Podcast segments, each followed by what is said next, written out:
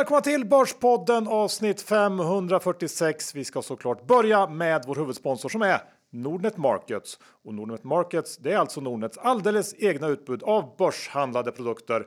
Läs mer om det här under fliken börs och marknad på Nordnets hemsida. Och med det säger vi ett stort tack till Nordnet Markets! John, vi är mitt i rapportperioden. Den tid då du och jag egentligen ska sitta och tjäna pengar. Så är det. Ändå tar vi oss tid. Det gör vi för lyssnarna och eh, ja, det händer ju så otroligt mycket. Vi måste informera eh, svenska aktiehandlare hur det ligger till.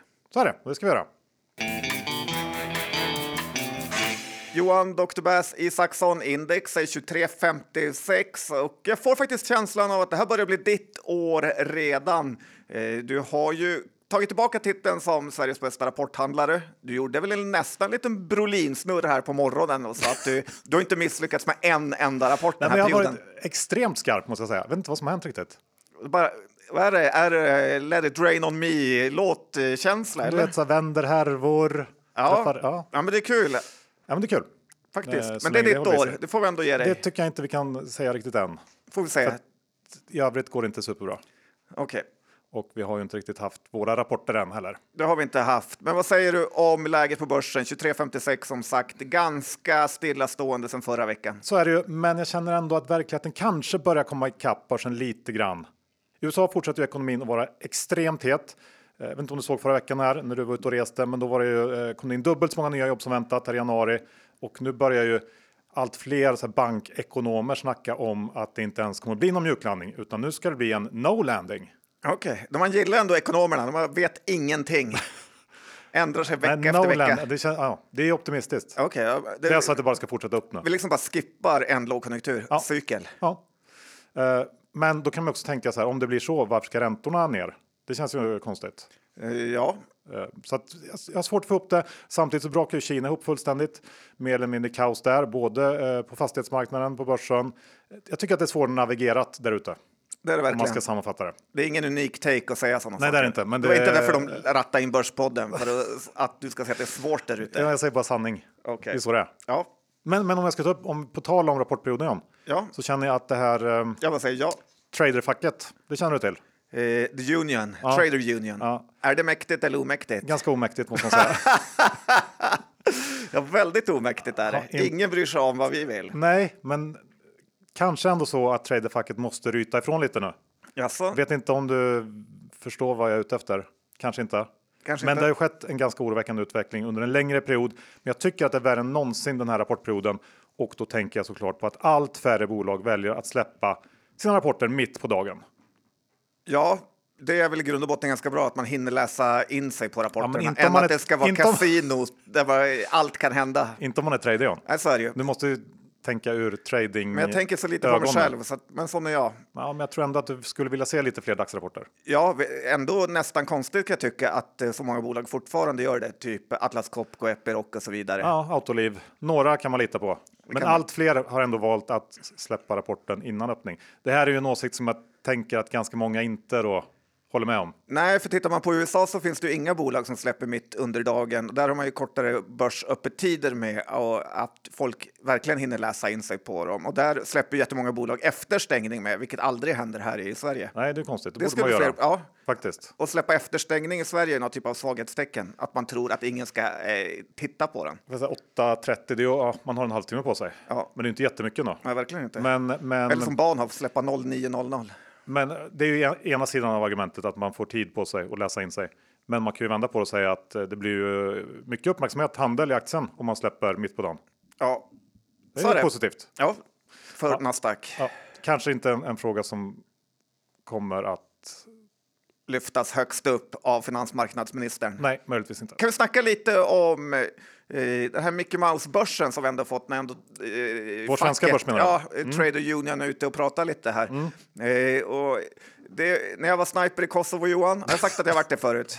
Jag vet, ibland håller jag så mycket inom mig. Ja. Nej, men då brukar ju britterna kalla den svenska armén för Mickey Mouse Army.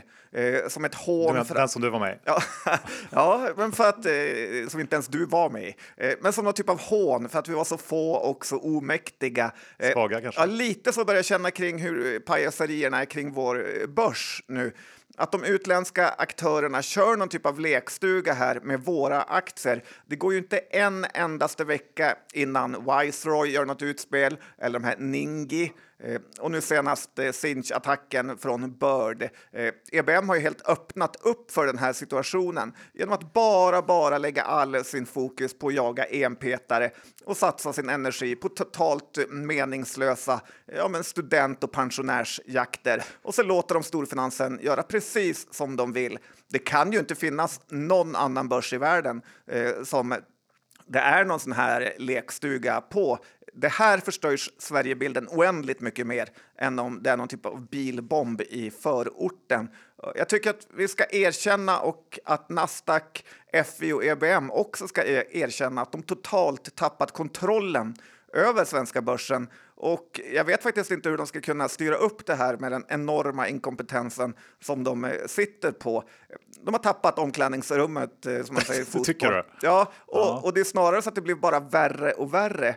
Sen har vi den här finansmarknadsministern som verkar ju helt under isen med noll aktieintresse och nu har ju fått något fokus på att bankerna tjänar för mycket pengar. Eh, men det har de ju kunnat göra för att Ingves körde minusränta så länge så att folk blev överbelånade och att fastighetspriserna spårade ur.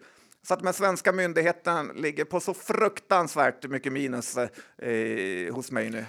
Och om BP-partiet tog över så skulle det vara slut på det här men typ semi-olagliga blankarattackerna. Vad skulle hända då menar du? Ja, men jag skulle jaga efter dem.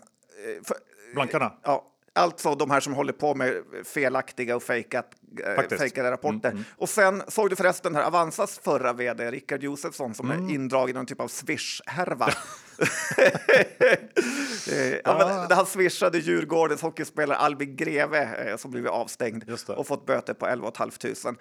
Eh, Josefsson eh, är ju med i Djurgården Hockeystyrelse ska man ju eh, veta. Ja, eh, mm. Men lite kul att han var så ute, han var ute efter jättemycket cred eh, som han inte fick eh, för att han skulle vara generös. Ändå skönt för Avanza att han inte är vd fortfarande. Ja, ja, men så här, jag hade gärna sett att han körde samma engagemang eh, mot eh, liksom EBM. Och att han, ja, när han, och skydda Avanzas kunder. Eh, men där gjorde han och sa inte ett endaste grej eh, när det hände, utan han hade gärna fått kunna swisha lite eh, stackars enpetarpersoner som har fått de här absurda sanktionsavgifterna. Typ nu har Duroc Trader på Twitter fått 30 000 böter. Ja, lite så. Ja. Ofta var det mer, det är flera hundratusen. Absolut. Då hade han kunnat swisha. Då Verkligen. hade jag blivit gladare. Ja, det hade Nej. varit något. Ja, det hade varit något. Så gör det istället. Än liksom en hockeyspelare. Mm. Kanske var fokus lite fel. Fel grejer. Oh, Ändå. Men nu har han inte väder längre. Nej, det han inte. Eh, och på tal om det så har det varit väldigt många vd-byten den här perioden. Ovanligt många. Det har varit. Det var ju Helmersson förra veckan. Den här veckan eh, har ju Axfoods Claes Balkov lämnat och eh, Knut Rost på Diös. Knut Rost kanske är mindre upphetsande på något sätt. Exakt, han har så här uppnått eh, alldeles för hög ålder. Han fick inte jobba kvar. Och jag vet inte, är fastighetsbolags vd de minst intressanta vdarna? Det är de. Ja, utom Erik Selin då kanske. Ja, och Rutger och Ilja. Ja, så att ganska intressanta ändå. Ja, men det, har det är ju, profiler. Det har ju mer att göra med dem som personer än att vara vd för ett fastighetsbolag är inte så, så upphetsande. Så är det. Det händer inte så mycket. Nej. Så den lämnar vi. Men jag tänker Claes Balkov, för mig är ju han, det jag mest kommer ihåg honom för är ju den här utlandshärvsatsningen i Clas Olsson. Ja, han lämnade dem efter sig med typ spillror. Ja. Han är väl någon typ av före detta managementkonsult eh, som... Mycket möjligt. Mm. Sen har han ju skött uh, Axfood bra, känns det som. Haft extremt mycket medvind där. Det var inte så att det gick dåligt för Ica heller. Nej. Men vem kan ta över där då? Axfood. Ja. Det är väl också otroligt ointressant eh, är det? fråga. Det är ja. ett väldigt stort, Sveriges näst eller största livsmedelsbolag. Det blir inte så tråkigt. Okej, okay. har du några egna förslag? Nej, men jag tänker på ett uppenbart. Att man gör det enkelt för sig. Plockar eh, Mirakelmannen Tonström från Clas Ohlson. Som för övrigt presenterar så här sinnessjuka försäljningssiffror här idag. Ja, är det någon typ av plantskola? Clas Ohlson och sen Axfood? Ja, men det känns ju som det. Och uh, stoppa in honom där. Han är väl redo för ett större uppdrag. Ja, men han kanske skulle behöva något roligare känner jag. Det är ett lite mellanstepp att gå till Axfood. Det är väl ändå ett steg uppåt väl? Ja, med låga marginaler, det händer inget. Nej, vänta på bättre opportunity. Det är ditt råd, Ja, karriärsråd liksom hoppa till NHL direkt. Från en trader i en källare. Karriärscoach. Mm, okej. Men du, det är inte så många som vet om det här, men du har ju faktiskt varit i Alperna Ja, senaste veckan. det har ju För det- varit... Jag vet Ville om du jag... hålla lite tyst? Eller? Ja, exakt, eh, det ville man ju. Funderar på om jag kanske ska lägga ut några bilder på Insta, eller vad säger du? Eh, Jag tänkte vi kan väl ta några snabba spaningar därifrån.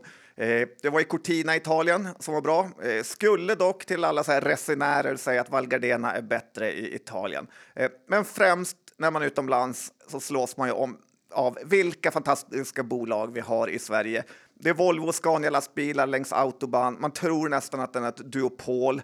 Eh, sen när man framme i backen så är det Thule takboxar, det är Mips-hjälmar, det är Fjällräven-kläder, till och med lite RVRC-kläder. Och sen på hotellet då är det så här S1-produkter, i radion spelas det ju konstant ABBA, Loreen, Avicii och så vidare. Det är bara för att när- nämna några saker. där. Eh, Jag åkte ju med en kille från Finland och en från Tyskland. Eh, och eh, om du är i Stockholm Johan och så tänker du på finska bolag eh, så finns det inte mycket man blir imponerad av. Kone, tänker jag. Ja, det är den här helt värdelösa rulltrappan i Odenplans. Ja, den fungerar ju aldrig. Det är 80-procentigt driftstopp där. Sen vad har vi mer? Fortum kanske? Kassrapport för övrigt idag, ett bolag ingen gillar heller. Nokian Tires tänker jag mycket på, Ja, sådär generellt. men det ser man inte jättemycket om du inte går runt och tittar på däcken. Ja, men kan man väl göra. Kul liv.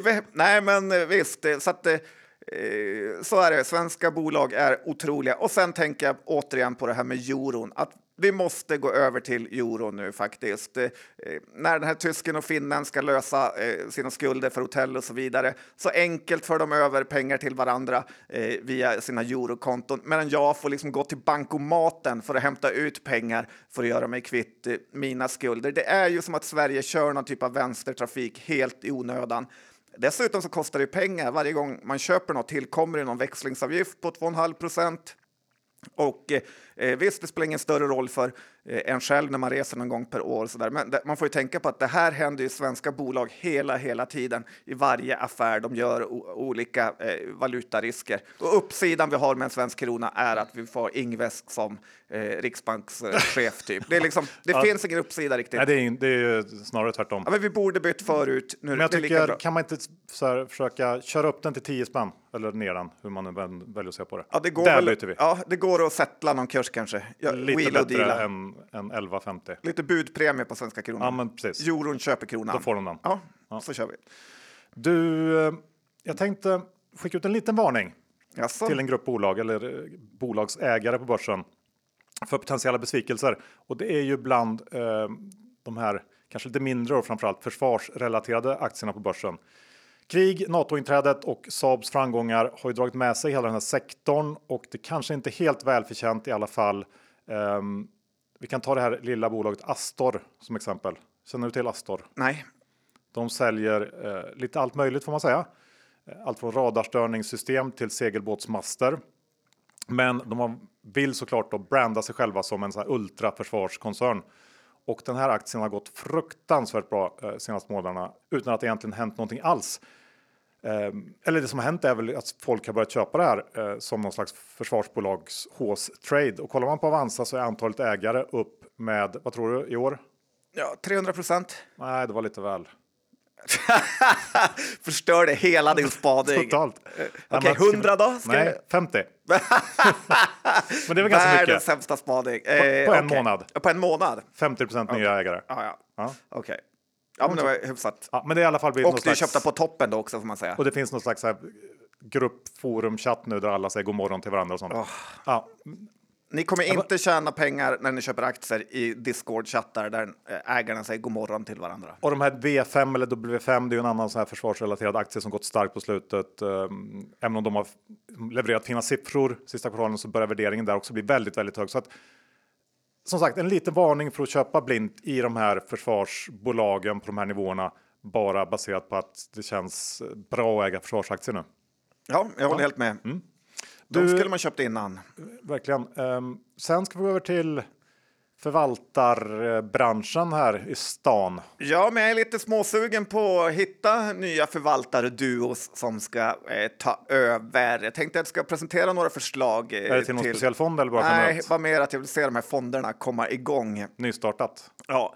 Och, eh, får jag ranka eller? Eh, det behövs nog inte, men det får du så gärna göra. Eh, det är så här, vi har ju Days egna Dream Team, får man säga. Jag skulle vilja mm. se den fonden. Eh, Magnus Dagel och Agneta Jönsson eh, köra en fond. Kort EQT, lång renewal och Agnetas egna lilla nyårskarameller i nischbanker som Resurs och Intrum. Mm.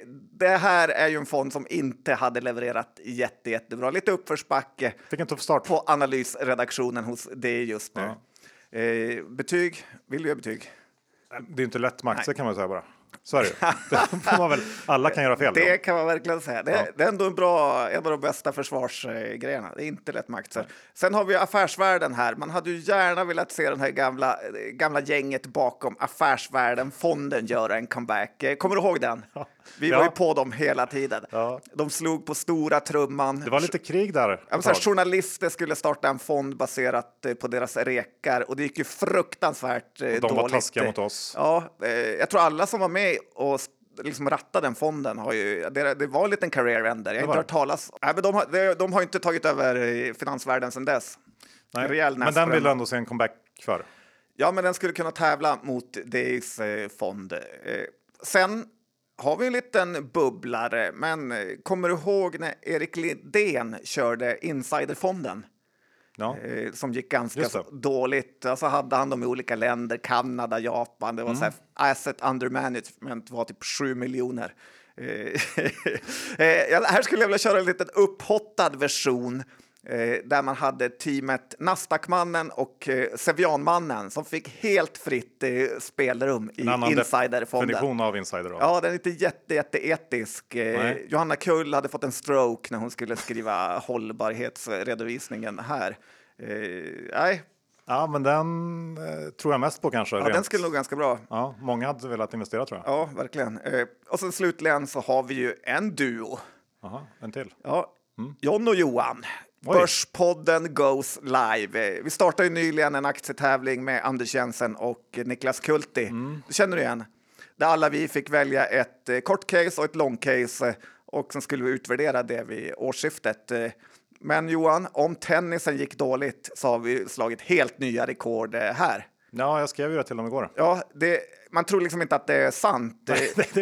jag tycker inte vi ska... Ja, men, ja, men så här, Kult Jensen måste tro att vi är den största scammen som någonsin eh, funnits egentligen. Eh, jag valde ju som kort case då Volvo Cars. Ja. Den har ju gått upp 50 procent eh, sedan dess. Den har gått upp varje dag. Eh, ja. Och så eh, tog jag lång Duroc och de ska vi prata mer om sen. Eh, du tog ju kort Hemnet mm. som har tagit all time high varje dag också. Så att, eh, och vad var det var lång? Truecaller kanske? Mm. Men året är inte slut än. Nej, men det är inte. Jag tror Niklas Kulte tog kort intro. Ja. Alltså han, han ska börja med aktier. Det ska jag säga. Eh, men lite spännande. Lite rädd för vad vi slog vad om också. Kän, ja, känns som det kommer bli dyrt för oss. Kommer inte ihåg riktigt. Vi får bli så här Swish-journalister. Men får jag lägga till en, eh, ett önskemål här på förvaltare man vill se igen. Ja. Då skulle man vilja se en comeback av Uffe Pettersson. Då. Det skulle man. Kanske tillsammans med Peter Benson. Det hade varit. ja, ja, vi väntar på dem. Vi har den vecka med oss vår exklusiva fondsponsor Fidelity. Rickard, er årliga analysundersökning har precis blivit klar. Hur ser läget ut nu bland världens bolag och eh, vad kan vi förvänta oss 2024 kring earnings, eh, tillväxt, marginaler och så vidare? Ja, under förra året så genomförde vi på Fidelity hela 20 000 bolagsbesök. Räknar vi om det i tid så betyder det att vi på Fidelity, eller analytikerna då, träffar ett bolag världen över var tionde minut. Och hela den här rapporten har vi nu eh, lanserat. Och det är en stor förändring vi ser över många branscher globalt och det är, den största är framförallt att ingen pratar om inflationsoro längre. Det har istället skiftat över i en oro till hur en eventuellt ökad arbetslöshet kan komma att slå mot vissa sektorer. Sen har vi också sett att bolagen har lyckats med reptricket att putta över inflationshöjningarna på priserna, vilket då istället drabbar konsumenten. Men kommer inte eventuella räntesänkningar gynna fastighetsbolagen? Jo, eventuellt på sikt, men vi får se hur Riksbanken och ECB agerar under året. Eh, vi ser rekord i utdelningar under rapportsäsongen, framförallt då inom financials eller bank. Vi ska också påminna om att investeringens värde kan minska och öka. Det kan hända att du inte får tillbaka det investerade kapitalet. Historisk avkastning är ingen tillförlitlig indikator för framtida resultat och åsikter uttryckta kan redan ha på och inte längre gälla. Vi säger stort tack till Fidelity International. Vi är denna vecka sponsrade av SaveLend som ger dig stabil avkastning utan tur och timing genom att investera i räntor. Och det här gillar vi om. Det gör vi verkligen, för det är ju så bra, vi har pratat om det många, många gånger, att man inte ska ha alla pengar på börsen, utan man ska ha dem på andra ställen där man får ett stabilt kassaflöde, så är man inte lika beroende av börsens upp och nedgångar. Nej, och som du är inne på så är ju det här ett perfekt komplement till börsen och Saveland fortsätter ju leverera positiv avkastning till alla sparare månad för månad. Inte en enda månad med negativ avkastning sedan 2016 och dessutom så har ju vi en liten bonuskod till alla Börspodden-lyssnare. Det har vi fixat fram. Ja, om man använder sig av koden Börspodden och är en ny användare, ja då får man bonus. Och eh, den här bonusen den är då beroende av hur mycket pengar man eh, stoppar in på plattformen. Eh, går man in med 5000 kronor så ger det en bonus på 200 kronor. Eh, väljer man att stoppa in 10 000 så ger det en bonus på 400 kronor och så där fortsätter det ända upp till en miljon som ger en bonus på 10 000 kronor. Och de här nivåerna gäller ju också för befintliga investerare som värvar nya investerare. Eh, varje kund har faktiskt en unik inbjudningslänk i inloggat läge eh, så det kan man kika på för när man då värvat en ny kund som gör en insättning och investerar i kapitalet inom 30 dagar. Ja, då får både den som värvar och den som blir värvad bonus enligt den här stegen. Och det här är ju gratis pengar och det gillar vi. Det gör vi verkligen. Vi har konto på Saveland, vi har över en halv miljon där. Vi tycker att ni också ska kika in på det här och se om det är något för din sparstrategi. Verkligen. Vi säger stort tack till Saveland. John, eh, det kom mycket rapporter här på morgonen. Jag tänkte vi kanske ska börja med ett kort svep över ett gäng av dem. Ja, men Eller? vi kan väl live kommentera dem lite grann här. Aarhus Karlshamn kom, börjar ju träda fram som ett av börsens absolut eh, bästa bolag får vi säga. Verkligen. Väldigt fin rapport. Eh, Dyr aktie. Ja, men inte så farligt dyr. P kanske 23, 24. Ganska ändå. Ja, men inte de här liksom adtech-värderingarna. Nej, men Eh, de, ja. Nej, visst. Ja, men fint bolag Ja. som levererar. Bilia, inte så bra. Eh, Man får ju känslan att den här affärsmodellen är slut med att sälja bilar i bilhallar. Eh, Kanske man ska vara lite orolig även för typ Balder som väl äger massa bilhallar. Bådar inte heller jättegott för Mekonomen eh, kan jag tycka. Men de ska väl ändå servas. Ja, men det blir mindre och mindre med tanke på alla elbilar. Det var jättekass rapport från Bilia, eller? Liksom, Ja, ja, ja, konstiga kommentarer. eh, och sen Handelsbanken har ju fått någon typ av kanonstart Ja. med den här nya vdn. Mm. Vad gillar du av honom? Eh, han ser ju väldigt stram ut när Ja. man ser på bilderna så. Trodde du skulle gilla honom jättemycket. För att, Ja, men för att han hade så här hård mot huvudkontoret. Ja, men det gillar man ju. eh, Och, eh, men det var väl det jag sa, kontors- stram. Ja, Sammanfattar honom. ja, men det känns som att du var lite Sträng. rädd för honom. Ja. Ja, jag är lite, skulle, väl- man skulle ju inte vilja... Ja, men jag skulle vara superrädd för honom Ja, ja. om jag jobbar där. Ja, och han kör någon typ av power Med rätta i- också, för ja. man kan ju bara ryka iväg när som helst. Ja, men det gillar man ju, att man kan få sparken i Sverige med. Eh, Det har väl inte varit jättevanligt på Handelsbanken. Höjd utdelning, Ja. eh, men lite så här framgångskänsla får man av Handelsbanken, som har varit lite av den här bortglömda banken. Eh, Så har vi Concentric, kom också med rapport, var väl hypat för ett tag sedan, en typ av dieselmotorflödesmekanik. Känns ju helt... känns det det kan jag en hel del om. Nej, men de känns ju helt slut faktiskt. Jätte, jättedålig Ja, rapport var dålig. igen. Ja. Eh, och sen lite kul att Hoist var faktiskt en av de här nischbankerna som inte kollapsar. Det ser ju snorbilligt ut, men de kommer ju aldrig få upp värderingen är med tanke på liksom, deras peers som går fruktansvärt dåligt. Det var Man lite kan så här, skippa hela den sektorn faktiskt. ja, Stillfront, såg du den? Ja, jag köpte lite på morgonen. Det var... eh, Hoppas den går upp nu för jag är fortfarande lång. Det, Dacmo körde bort sig lite där på Twitter. Gjorde han? Skrev stillborn, dödfött. Oj, Ja, inte helt rätt. tufft. ja, det var det. Ja, nej, men det var väl lite så här organisk tillväxt och så här första gången på länge och lite engångsposter och så. Rensar man för det så såg det okej ut. Ja, det gjorde det. Ditt Men, år men år, eh, jag har faktiskt kikat på Securitas som kom in idag också. Det är ett bolag som jag följer lite närmare och varit positiv till. Och där får man säga, om man ska använda lite placera termer, så var det blandade siffror. Det var blandade resultat. Ja, Eh, lite svagt på omsättningssidan, marginalen, men å andra sidan väldigt, väldigt starkt kassaflöde som då hjälpte till att få ner skuldsättningen till under det här målet på tre gånger ebitda de har, 2,7 kommer de in på. Och eh, jag tycker nog, precis som börsen verkar göra, att det här kassaflödet väger upp för den här lilla missen på omsättning och resultat. Och eh, nu blir det väldigt intressant att se om de lyckas nå det här marginalmålet man har på 8% i slutet på 2025. Det finns ju inte alls i förväntningarna. Eh, gör man det så tror jag att då finns det ganska stor uppsida i Securitas härifrån. Och eh, dessutom höjer de utdelningen, det såg du? Konstigt med Andas den väl lite- mega nettoskulden. Ja, men å andra sidan så har de nått eh, liksom det här skuldsättningsmålet ett år tidigare än väntat. Så det är väl De har alltid rimligt. varit konstiga med det här att de körde utdelning och så körde de nyemission samtidigt. Så att just Jo, den här cash management grejen tycker jag är konstig. Ja, men, men det är ju ett bolag som kan köras med hög skuldsättning också, ska man ha med sig. Så att, eh, sen så kan man ju fundera lite grann på vad EQT ska göra med sina aktier. De har väl inte så många, bara någon procent. Ja, 3 är ju ganska mycket ändå. Nej, Jo, inte för EQT. Det men brukar vara menar- så här 40, ja, fast det är, 30, 40. mycket, det är ändå en stor post ändå i det här bolaget Okej. som ska röra på sig någon gång. Och den här fonden är ju nedlagd. Ja, Nu men är ska väl ut då. Nu, ja, men det är väl ett ganska bra läge ändå för en placing. Placing i eftermiddag. Ja, kanske. Ehm, ja, gillar eh, vdn Magnus Ahlqvist får jag säga. Tycker han verkar bra. Okej, han har fått ditt approval. Ja, Härligt. Nej, men det är väl ett, eh, kul att det tar fart för de här. Eh, Securitas har ju ändå omvärldsfaktorerna med sig. Eh, världens tråkigaste kommentar. Om lite så är det faktiskt. Och det är ju ett ganska tråkigt bolag. Så Ja. att det är svårt att hitta på. Men ändå kul att de kommer tillbaka, för det kändes typ kört och nyemissionsläge ett tag eh, när det såg som värst ut. Ja, och på tal om det så har vi också CTEC som jag kikar lite extra på. Laddbolaget som väl också tog ett litet steg framåt här idag i sin Verkligen. rapport. Aktien upp en del på jag vet inte, någon slags lättnadsreaktion tror jag man får säga. Relief. Ja, sparåtgärderna har gett resultat. Marginalen förbättras rejält. Eh, kassaflödet ser bra ut, men eh, det är fortfarande så att de tappar 10% på omsättningsnivå och eh, ja, ja, även om, om det här blodflödet verkar vara stoppat så är det ju svårt att bli särskilt sugen på att köpa aktien.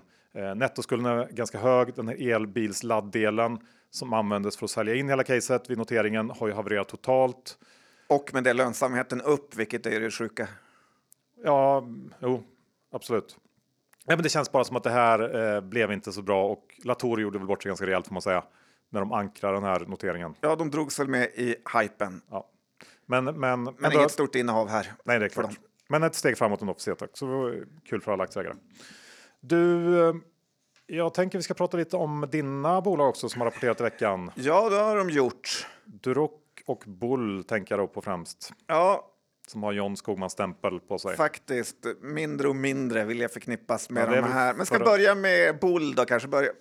Där har ju sålt alla aktier för ett tag sedan. Här, men eh, det var en liten så här, Va? Det har du gjort? Ja, det har jag gjort. Mhm. Det var ganska länge sedan. Eller, eh, det är lite så här kissa i byxorna-rapport, eh, Johan, eh, som Jonas Olavi skulle sagt. Eh, Det finns ju ingen som använder det uttrycket oftare i DTV eh, än Jonas Olavi. Okej, det måste du ha hört. Aldrig tänkt på. Eh, kanske skulle vara Lars Söderfjell som också säger det. Men skillnaden här är att Jonas Olavi, har du aldrig tänkt på det? Aldrig. Att Jonas Olavi ska liksom förklara det med. Att först blir det varmt, sen blir det kallt. Han gör det varje gång. Det är som att han kissar i byxorna-expert. Eh, Men, men. eh, Det jag menar med Bull då, att det börjar ju bli någon typ av världsrekordkandidat i att aktivera kostnader så att det ska se bra ut. Eh, Alltså eh, att man tar då kostnader för utveckling av en produkt och sen sätter man det in i resultaträkningen eh, som då rinner ner till 100 procent i marginal. Är det det som är det varma kisset eller? Ja, minus att det man får ta bort då från avskrivningar. Eh, för sen måste man ju ändå skriva av det här någon gång. Och då brukar det bli för sådana här bolag eh, väldigt stora nedskrivningar eh, framåt. Då, Bull jobbar nu hårt med sin fempartsplattform som eh, kostar väldigt mycket pengar. Eh, snart har man bränt alla de här pengarna man tog in för nyemissionen eh, och går då från nettokassa till skuldsättning. Sen har man också det här kvartalet fått någon typ av stor order eh, på instrument från Indien som man måste ha tagit med väldigt låg marginal för att det händer ju ingenting på rörelseresultatet eh, riktigt. Och sen en annan negativ grej är att eh, det man ska tjäna pengar på, eller det som har varit caset med Bull, är de här testprylarna eh, till maskinerna. eh, att man inte tjänar så mycket på maskinerna när man säljer på testerna. då. Förbrukningsvarorna. Ja, helt enkelt. precis. Och eh, de har ju tappat jättemycket i försäljning. Känns som att folk har slutat använda deras produkter eller någonting. Jag har som sagt sålt mina aktier i det här bolaget, gett upp det. Förstår inte ens hur jag kunde hamna i den här härvan. Lite Jesper Söderqvists fel eh, som stått på presentation, alltså vdn i Bull, då, efter presentation och i det närmaste ljugit om företagets framtid. Jag tycker faktiskt att han hamnar på Börsdumpens framsida eh, denna vecka. Kan vara lite så. Ja, mm. Sa jag förresten att hon ringde mig? Jesper. Nej, det hade jag velat se. Nej, men att det, ett dolt nummer ringde mig eh, för ett tag sedan och så sa röst Hej, är det John Skogman? Jag bara ja, det är jag. Han bara vad är det för kriterier för att vara med i Börsdumpen? För jag kan ha en kandidat som passar. Mycket bra. Ja, gillar man. Ja. ja, det är bara att ringa. Ja, det är bara att ringa. Framförallt John då kanske. Ja, gör det. Mitt nummer finns på där det finns. Ja. Bra. Eh, Och sen då, Duroc. Ja, men var, var du klar med Bull eller? Ja, men det var jag. Eh, Men ge upp det bolaget. Nej, men jag håller med. Det man kan, om man vill vara lite positiv så kan man ju då säga, tänka att den här eh, stora eh, försäljningen av instrument här i Q4 borde ju då enligt deras logik leda till högre återkommande intäkter längre fram när det då ska förbrukas massa förbrukningsvaror. Mm, ändå tvek Men på den. Men absolut. Det borde ju vara så. Och att folk har gett upp det här bolaget så mycket som jag har gjort så att det, det kanske är läge att köpa nu inför 2025. Kan vara precis tvärtom. Ja, men Att det är ändå. nu man ska köpa. Typ jämfört med Cellavision så är Bull skit om man ska välja. Alltså det är så enorm klasskillnad så att det gör ont i kroppen. Mm. Eh, men vi pratar inte mer om dem. All, aldrig mer ska vi prata om Bull. Ja, kanske. Mm. Kan Så lova. jag säger eh, rätt ofta. Men. Duroc då? Ja, det här var ju också en liten så här medioker rapport. Eh, lite hårt kan jag nästan tycka att börsen blev så sur och straffade det här bolaget. Ja, det var inte så dåligt? Det var Nej, det var inte typ, det. eller? Ja, och eh, det här är ju Q2 för Duroc då, som har lite brutet räkenskapsår. Och den perioden är ju generellt ganska svag. Eh, så att det känns som att det kan bli bättre framöver faktiskt. Eh, men ändå, det var ingen klang och jubelföreställning ska ju sägas heller. Eh, jag mässade lite med huvudägaren. Jag såg i Holdings här att jag var sjunde största aktieägare, så att man är inte direkt krejtig och plejtig här. eh, där var jag mässade med Peter Gyllenhammar då och eh, Var god ton? Nej, men det var det inte. Jag skickade trist med ännu en dålig rapport. Eh, vet du vad han svarade? För att jag vill sätta lite pre- vi, sätta press på honom. Nej, något spydigt. Ja, det gjorde han eh, med en snark-emoji och Extremt kul. ändå. ja, eh, Fan vad jag älskar honom. Ja, eh, ja men det var ju, och så var det en sån här gäsp-emoji, två emoji. Det är så här, det ha- jag tycker är vad hästen skiter. Han kunde inte bry sig mindre. Eh, Vilket ju är rimligt ändå. ja, och jag tiltade väl lite grann då och sa, skrev tillbaka något att det kanske inte är läge att vara tuff när ens aktie är minus på dagen, veckan, månaden, året, tre år, fem år. Så det är väl liksom Vad ska han då? då? Ja, då svarade jag inte. ja, men det går ju inte jättebra i vår kommunikation. Han behandlar ju inte sjunde största aktieägaren jättebra kan jag tycka. Nej. Snark-emoji. Eh, Men nej. Nej, kan man tycka. och sen har han ju kört i sitt vd-ord det här eh, Peter Gyllenhammar AB, Mm, ja. att han har ju dissat Sagax jättehårt där. Eh, inte en dålig idé skulle jag ändå säga. Tyckte, alltså så här, eh, kan förstå taken. Vi såg ju på Elanders hur mycket eh, de har signat upp sig för, för stora lagerlokaler och så vidare. Så att, att det kanske är en liten boom där. Men, men ändå, det är ändå modigt att dissa Sagax när man rattar eh, Duroc. Lite känner jag att det här kan vara ett bolag för snåljåpen att sätta tänderna i som vd eller styrelse mot.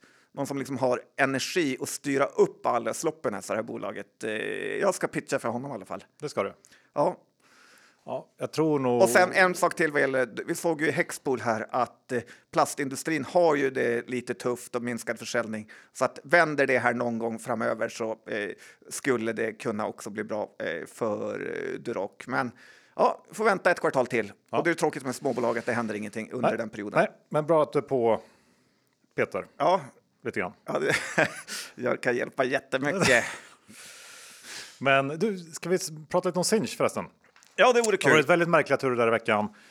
Börjar ju med då eh, ett rykte får man säga om att den här nederländska startup-konkurrenten som heter Bird skulle vara på gång att köpa upp Sinch amerikanska konkurrent eh, Twilio. Och i samma veva så gick Bird ut och annonserade att de skulle sänka priserna på eh, den här typen av sms som både Sinch och Bird och Twilio eh, säljer med 90% och det skapar någon slags panik i Sinch-aktien.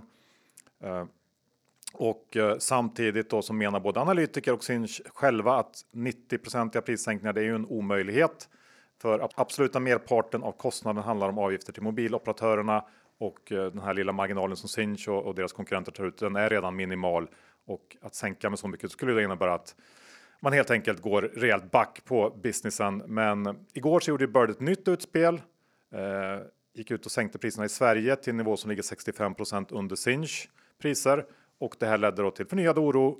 Och nu är väl frågan om vad är det här för någonting? En del tror ju att det handlar om någon slags marknadsföringsknep eller kupp för att få uppmärksamhet, vilket de ju eh, lyckas bra med tycker jag, om det nu är det som är syftet. Andra snackar om att det här ska vara någon typ av raffinerad blankarattack eh, och om det är fallet så är ju de blankarna värda alla vinster de kan få tycker jag. Om man lyckas gå igenom någon, en konkurrent för att få konkurrenten att sänka Sinch. Lite konspirationsteori ja, det känns får man säga, eh, på lite så här ja, foliehattnivå. Ja, som aktieägare kanske hoppas på mer. Än... Ja, men så här, verkligen. Ja, är det inte bara så enkelt Sinch är ett uselt bolag med usla ägare och då händer sånt här? Det behöver inte vara så mycket svårare. Ja, och är ju alltid varit en väldigt svajig aktie. Ja, jag kollar på, på den här dödsgrafen. Kommer du ihåg vad den var? Ja, Eller med indikatorn. ägare som det ökas av hela tiden. Ja, men Sinch gick ju från att ha mer eller mindre inga, kanske tusen ägare precis innan pandemin till 80 000 ägare på Avanza för ett år sedan. Vad hette de då? CLX va? Ja, precis. Mm. Jag kan ni allt? Nej, men... och eh, det, det, är på något sätt som att alla som skulle kunna ha minsta intresse av att köpa den här har köpt redan. Det är, är väldigt motvind när man haft en sån utveckling i aktieägar antal. Ja, samtidigt är det större än så. Ericsson köpte Fonage för sinnessjuka pengar. Ja, men det blev inte bra. Nej, men det är väl ändå värt något, den ja, här businessen. Såklart. Eh, så att jag tycker inte man ska räkna ut det bara för att småsparare hittat dit. Och jag antar att de också är med och krigar i den här härvan. Alla krigar tror jag. Ja, jag har också köpt lite. Ja. Bara för att addera till antalet ägare. Ja, det är i alla fall en, en kul eh, grej att följa. Ja, men verkligen. Mm. Den tycker jag att journalisterna ska sätta tänderna i, för det här vill man veta mer av. Vad som egentligen är. Ja. ja absolut.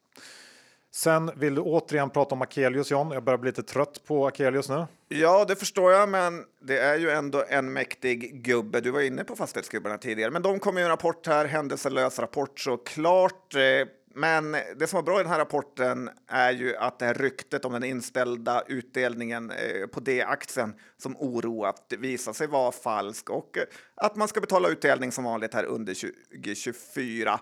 Eh, rimligt vore ju faktiskt om antingen Akelius då kanske köper tillbaka aktierna över börsen Eh, som är väl hyfsat billiga nu eller lägger bud så att eh, nu när det blivit så dålig likviditet i den här aktien. Han har ju själv pratat om det förut. Jag tror personligen något av det här två kommer hända under 24 och eh, Ja, då får man 6,5 procent här på, under tiden på att vänta på det. Så jag tycker att det är en hyfsat bra trade om man inte har något annat att stoppa in pengarna på går säkert att snappa upp lite aktier eh, nu närmaste dagarna här när folk eh, som kanske hoppades på bud i samband med eh, bokslutet säljer ut sig. Mm.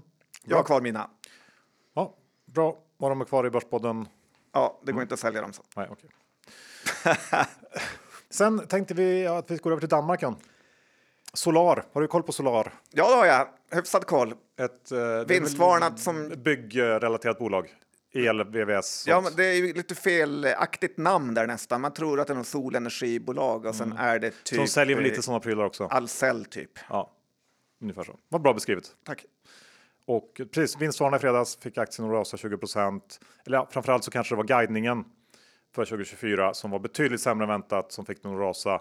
Eh, de guidar för att resultatet ska ner drygt 30% från 2023 och det här har då såklart att göra med den krisande byggsektorn och de danska bolagen är ju intressanta på det här sättet i och med sina helårsguidningar. Kan det vara någonting att införa hemma? Jag tycker faktiskt att det hade varit kul. Ja, typ som Autoliv gör ju det eh, som ett av få svenska bolag. Ja, det... Jag hade gärna sett att fler bolag guida. Ja, framför allt att eh, mindre bolag även ja. guida. För med den typen av orderböcker de ändå har, det är inte så att alla order bara klingar in på måndag. Är det här någonting som ska rakt upp på topp Uh, Trader Union tar ja, upp det här även BP-partiet känner jag. Ja. ja. Nej, men det ger ju, eh, samtidigt vet man inte hur mycket effekt det ger nu när aktien faller 20% på en uppdatering. Då är det inte så att de har helt rätt på pucken innan heller. Nej, Nu men, fick du något att tänka på. Men, men då hade det kanske hänt ändå sen. Ja, Ja, jag, vet inte, jag tycker ändå att guidningen är bra. Och eh, känslan i alla fall det, dit jag vill komma är ju att det kanske inte riktigt återspeglas i om man tittar på våra svenska bolag hemma med exponering mot bygg att det ska bli ett ganska kast 2024. Eh, jag tror att många har lite för positiv syn på det här året om man tittar på men det är allt från Byggmax till Nibe till Inwido. Eh, så där känner jag ändå att det här kanske kan eh, men det var en no landing nyss. Ja, men det, säger, det går ju emot då vad Solar säger. I alla fall i USA. Ja, jag vet inte. Sen, sen också många... De är ändå väldigt billiga får vi säga. Många, Solar. ja, absolut. Eh, Många småsparare eh, äger också AOJ. De kommer med rapport om ett par, tre veckor tror jag. Eh, Skulle vara lite rädd för den guidningen, för de kommer också guida för helåret. Den aktien har inte alls hängt med ner. Så att, eh, liten varning där bara. Sen kanske stämningen från Australian Open, att de har samma logga. Ja, nej, men sammanfattningsvis, jag tror det är för tidigt för den här typen av bolag. Ja, Lindab kom ju idag inte riktigt bra heller. Nej, precis. Och jag tror verkligen, tittar man på, jag följer Huskompaniet, danskt byggbolag, går ju riktigt, riktigt uselt i Danmark. Jag tror kanske Danmark är ännu mer hårdare drabbade av det här, för de inte har någon riktig industri. Som jag, alltså, nej. vi lämnar det. Ja, vi, det, gör vi. Men eh, ska vi eh, kanske avsluta med Spotify? kan vi göra. Kanske vår liksom, Sveriges bolag- främsta Spotify-analytiker. man är mest stolt över som svensk Lite så. just nu. Ja, och de rapporterade igår, såg du det? Ja, Det var en sån rapport som marknaden först verkligen gillade. Den här hade du gillat om den kom på dagen. Ja. Eh, Den var upp typ 15 procent för att sen falla tillbaka ordentligt. Eh, Stängde väl upp 3,8 procent ungefär. Och eh, Spotify har ju tidigare varit här expanderande och pengabrännande företag. Eh, på, som nu nu har de ställt om. Ja, men det har de gjort. De siktar på att bli ett vinstdrivande företag. Och eh, det är en ganska stor förändring eh, för just Spotify. Men det som var intressant i den här rapporten tycker jag var att Spotify är nu nummer två i världen efter Amazons Audible, säger man nog inte, men på ljudböcker. Och det verkar ha bli- blivit en jättehit. Och tillsammans med poddar här så har de verkligen fått sig en rejäl marknadsandel. Sen så är det ju som att det är 600 miljoner i världen som har eh, Spotify. Det är många. Ja, men det är faktiskt bara 236 miljoner av dem som är betalande kunder. Resten av de här reklamkunderna som man trodde var utdöda typ. Eh, eh, Snittpriset som de får ut av en betalande kund är 460 euro, så ganska mycket lägre än vad vi betalar i Sverige.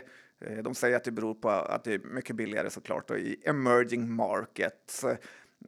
Sen så är det ju så att eh, ja, men Spotify har lite lagt världen för sina fötter.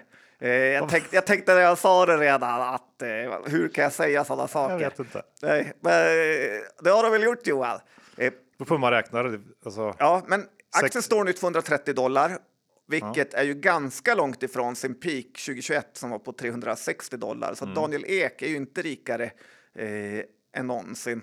Såg du jag förresten? tror han klarar sig ändå. Det gör han. Men såg du förresten att han gjorde eh, något som fler vd borde göra? Att eh, han gjorde en så här kort video kommentar på rapporten som han la ut eh, på LinkedIn innan han gick och snackade med analytikerna. Det gillar man ju. Det gillar man. Såg du det?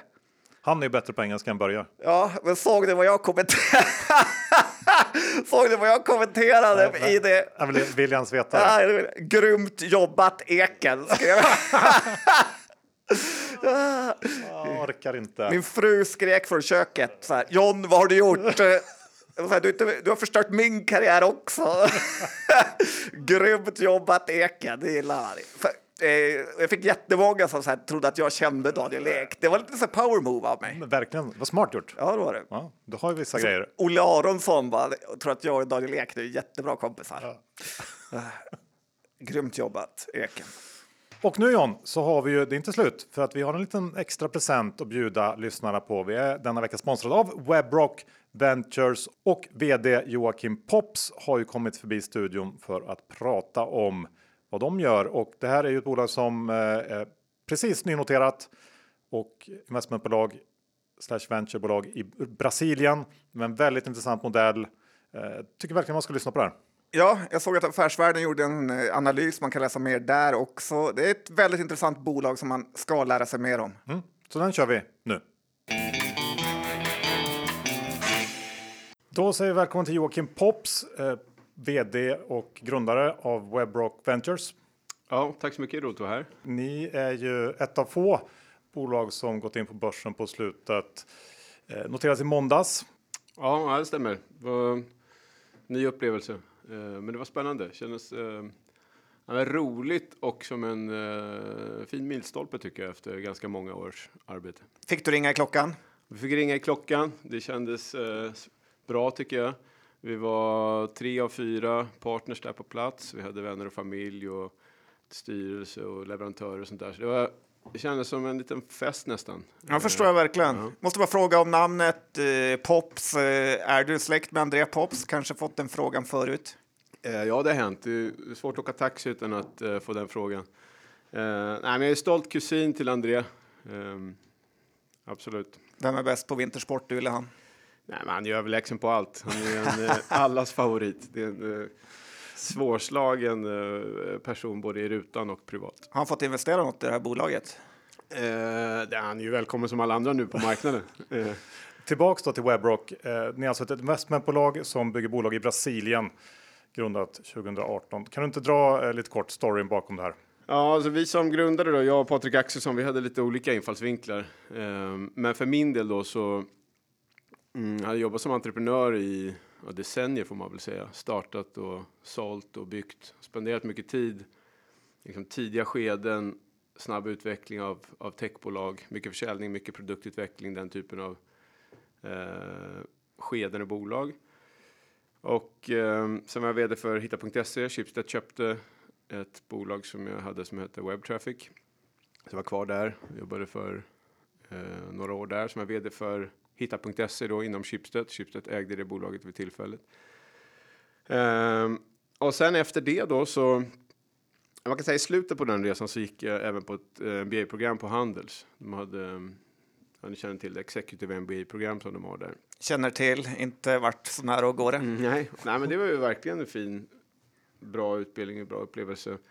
Eh, och inom ramen för det då så kunde man välja olika fördjupningar. Liksom redovisning, marknadsföring eller vad det nu kunde vara. Och vid den, vid den tiden då så hade de en fördjupning som de kallade för globalisering. Eller, och, och det innebar då att om man tog den fördjupningen så besökte man alla BRICS-länderna. Eh, så vi besökte Ryssland och Kina och Indien och Brasilien och Sydafrika under en tvåårsperiod och gjorde liksom ja, ganska djupgående förstudier och företagsbesök och föreläsningar och rapportskrivning och sånt där. Och då var det så, det blev så tydligt för mig att de här länderna har ju liksom en fantastisk tillväxttakt, storlek, eh, men de ligger lite efter eh, vår lilla då, kanske mera utvecklade marknad i norr. Så där någonstans föddes första tanken då. Och av de här länderna för min del eh, så var det också helt givet att Brasilien eh, är det mest attraktiva landet både liksom ur ett personligt och ett professionellt perspektiv. Um, och det är lite intressant, jag hade inte tänkt på det, men och särskilt nu efter några år också så det är väldigt fin passform mellan folkslagen skulle jag säga, mellan den brasilianska kulturen och den svenska, alltså socialt och kulturellt. Det har man inte hört förut. Berätta mer. Ja, nej, men om man kanske jämför, det är ju, det är ju en, st en större skillnad kanske mellan kinesisk, indisk, rysk, sydafrikansk eh, affärsklimat och, och kultur. Medan i mellan svenskar och brassar så upplever jag att det finns en nästan en gravitation mellan, mellan folken på ett fint sätt. Och det lägger liksom en bra grund för business när man gillar varandra, man litar på varandra, eh, man ser upp till varandra av olika anledningar. Och inte bli alltför långrandig där, men ehm,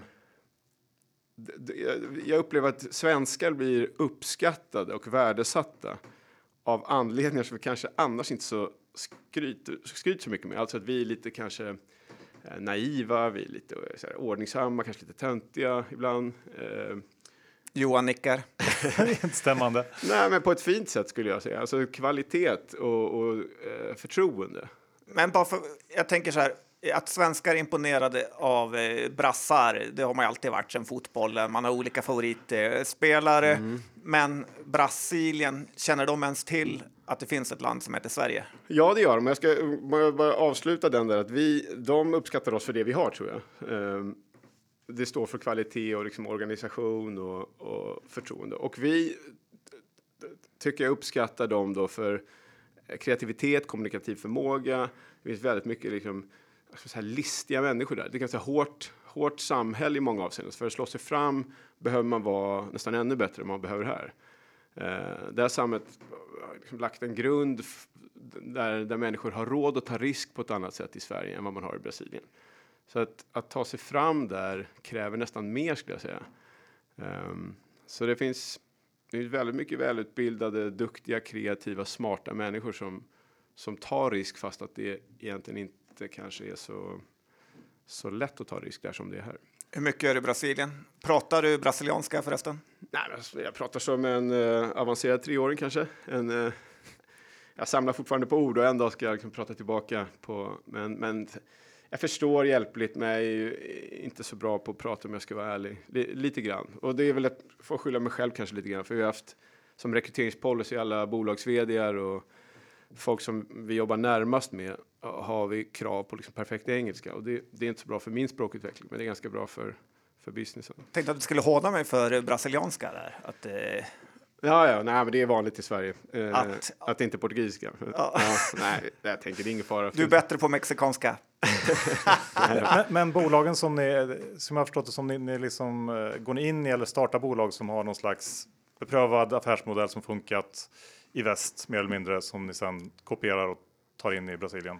Ja, precis. Så det är en ganska enkel modell. Eh, jag tror att det är många som har tänkt den här tanken om att man borde ta något som flyger och far i Sverige, skruva in det i en jättestor marknad som ligger efter. Och det är precis det vi gör. Det är det vi har gjort som disciplinerat och mellan Sverige och Brasilien i ja, alla de här åren egentligen. Så eh, beprövade affärsmodeller, framgångsrika bolag i Sverige som av olika anledningar inte prioriterar Brasilien. De, det vanliga är för svenska bolag att man, man funderar på Norden, kanske Europa. Om man är riktigt bra så gör man det i USA. Eh, men under tiden då så stängs ju fönstret i Brasilien.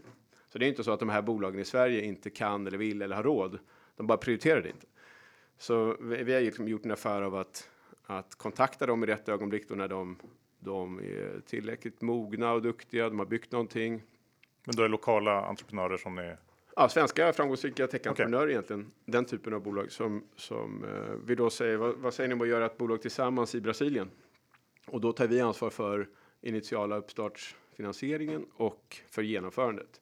Så vi blir som liksom borgar för att det man kommer överens om i Sverige också verkställs i Brasilien.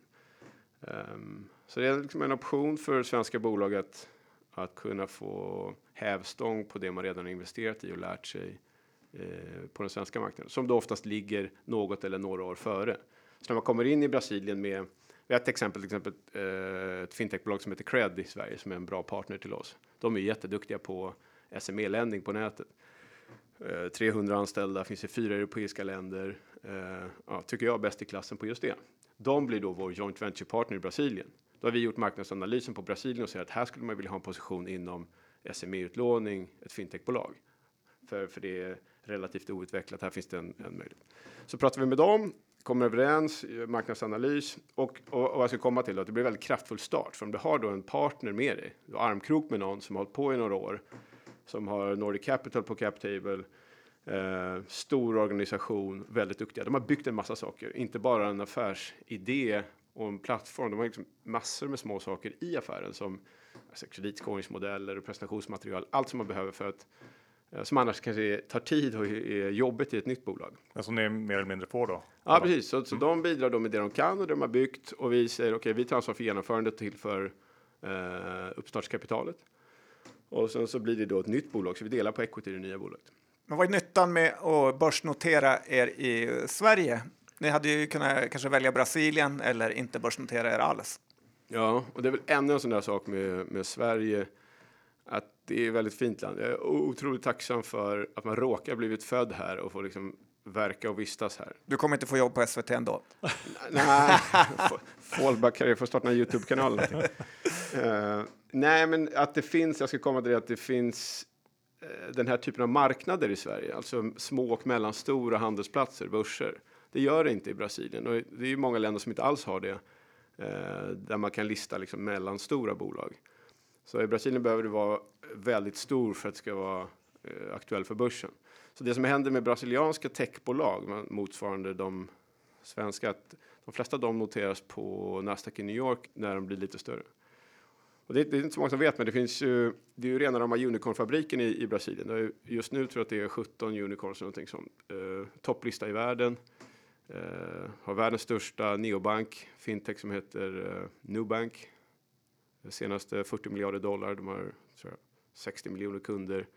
Ehm, så att det, det är en Alltså det är en väldigt bra marknad för techbolag också. Den, den är liksom sofistikerad. Alla ingredienser finns som som vi har i Sverige med från liksom early stage hela vägen upp till, till sena skeden och notering. Transaktion, M&A. Um, ehm, och det är kanske inte många svenskar som känner till, men det är liksom välfungerande. Det tror man inte riktigt när den svenska medierapporteringen mest är om Bolsonaro och andra liksom korruptionshärvor och kåkstäder och så vidare. Ja, nej, det är oftast de rubrikerna som når över havet. Uh, det är de man får läsa om, lite sport kanske ibland.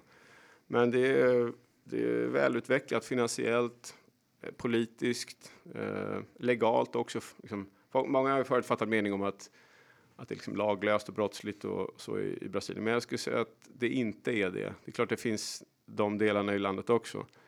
Men, men nu då, när ni går in på börsen så gör ni det med en portfölj som innehåller 11 bolag. Eh, kan du inte lyfta fram några av dem i alla fall? Jo då, um, man kanske börja med då, det, det är två, två delar av portföljen, två strategier kan man säga, alltså två fokusområden. Den ena eh, området, då handlar det liksom om skalbara techbolag, eh, marknadsplatser inom stora sektorer där det finns liksom enorm efterfrågan i Brasilien, digitaliserings tillväxttakt, det vanliga liksom. Eh, här vill man spela. Så vi tittar på marknaden och säger här skulle vi vilja ha en position.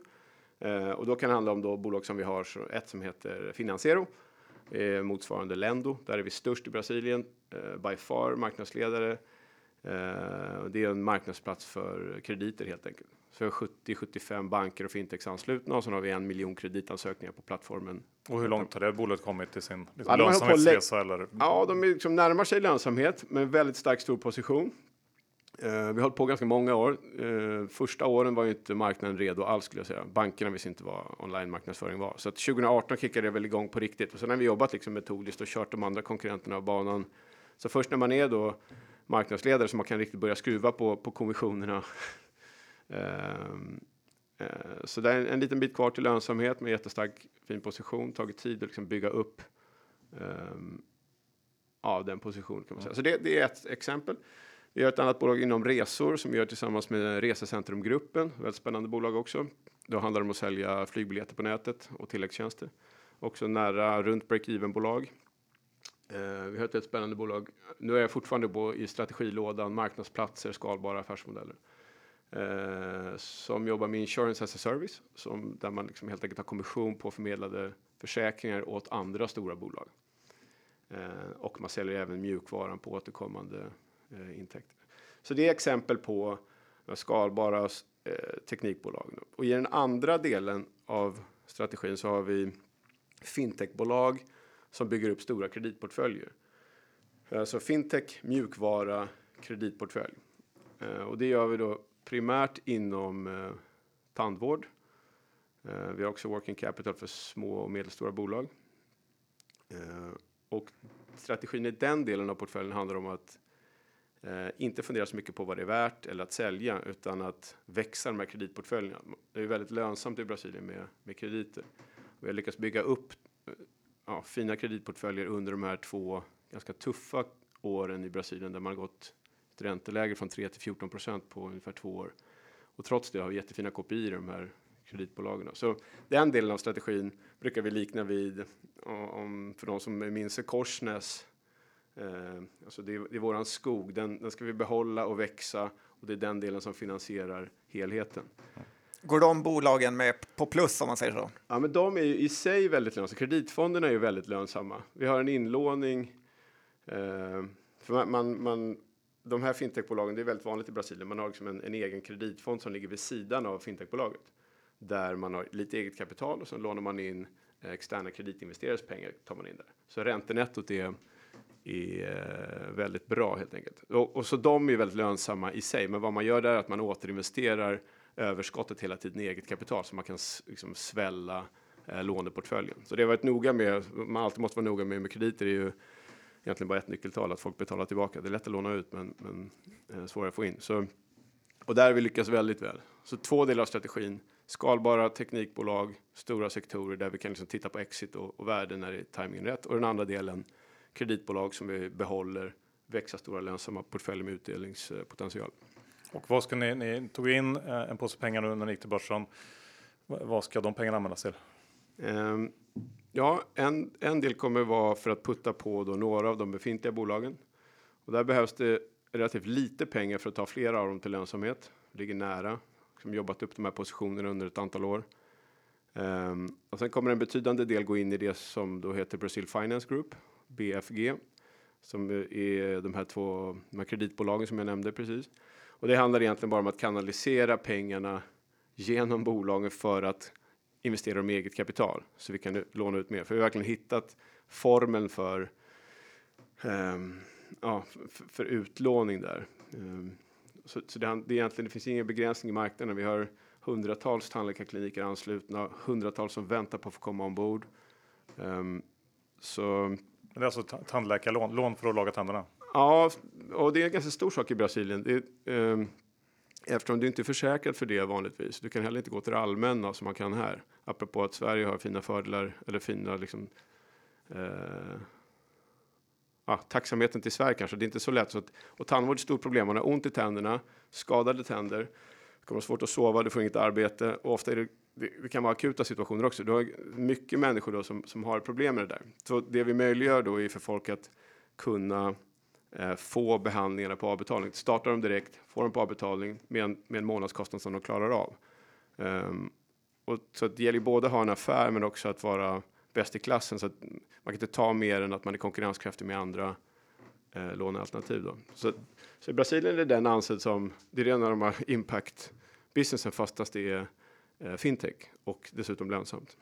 Börspodden brukar generellt vara ganska kritisk mot eh, affärer långt bort från eh, Sverige. Det är svårt att riktigt hänga med hur det går.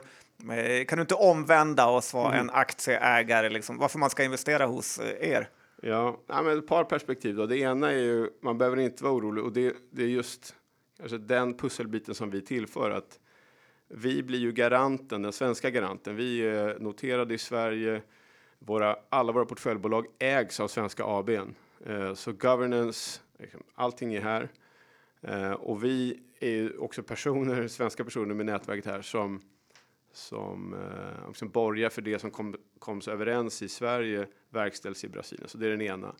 Eh, den andra är att det tycker jag är ganska unikt sätt att få tillgång till eh, snabbväxande teknikbolag i ett av världens största länder att kunna investera i dem och dessutom på, på nominellt värdering egentligen, alltså på grundarvärdering. För det vi, det vi, vi får, vi investerar typiskt då 4, 5 miljoner, 6 miljoner eh, svenska pengar när vi startar upp ett nytt bolag för att bara komma igång med det. För det får vi runt 50% equity. Så ekvationen då för en svensk investerare som sitter och funderar, okej, okay, här är ett av världens största länder som digitaliseras snabbt. Det finns det svenska teknikundret då som man kan dra på, så man bygger bort en massa risk och kostnader. Vi får med oss en teknisk plattform och ett kunnande, stoppar på då 5-6 miljoner, eh, tillsätter lokalt management, stöttar det här bolaget från vårt kontor med våra resurser. Eh, så att som svensk investerare kan man tänka, svenska techundret, ja det är ju bra, jättestor marknad som växer som 17, som är li inte lika mogen som den svenska som man får ett försprång. Eh, och då som, som garanteras av ett svenskt listat bolag eh, emellan. Så jag tror att det är en svår tillgång att komma åt annars och eh, det är också en ganska kapitaleffektiv modell när man kan få alltså, fina svenska välutvecklade bolag kan få 50% för 5 miljoner i ett av världens största länder. Är liksom, eh, I början när vi gjorde det så tänkte jag att jag visste inte hur det skulle tas emot. Det är nästan oförskämt liksom, att, att säga så. Eller att be om det. Eh, men det funkar ju bara för att de här svenska bolagen ja, dels litar på att vi kan verkställa fint i Brasilien, men också att de inte skulle gjort det annars. De, deras fokus ligger på europeiska länder eller USA. Alltså att ni får någon typ av agentur då på att driva det där? Nej, det, vi är joint venture partners, så vi är equity holders allihopa. Så det svenska techbolaget då har, ja, äger typiskt halva bolaget och vi äger den andra halvan. Um, och vi bidrar med pengar och genomförandekraft och det svenska bolaget eh, med teknik och kunskap. Och det är bara vid lansering. Sen, sen eh, ger vi incentives till eh, management och eh, efter en tid då kan vi ta in externa eh, investerare också.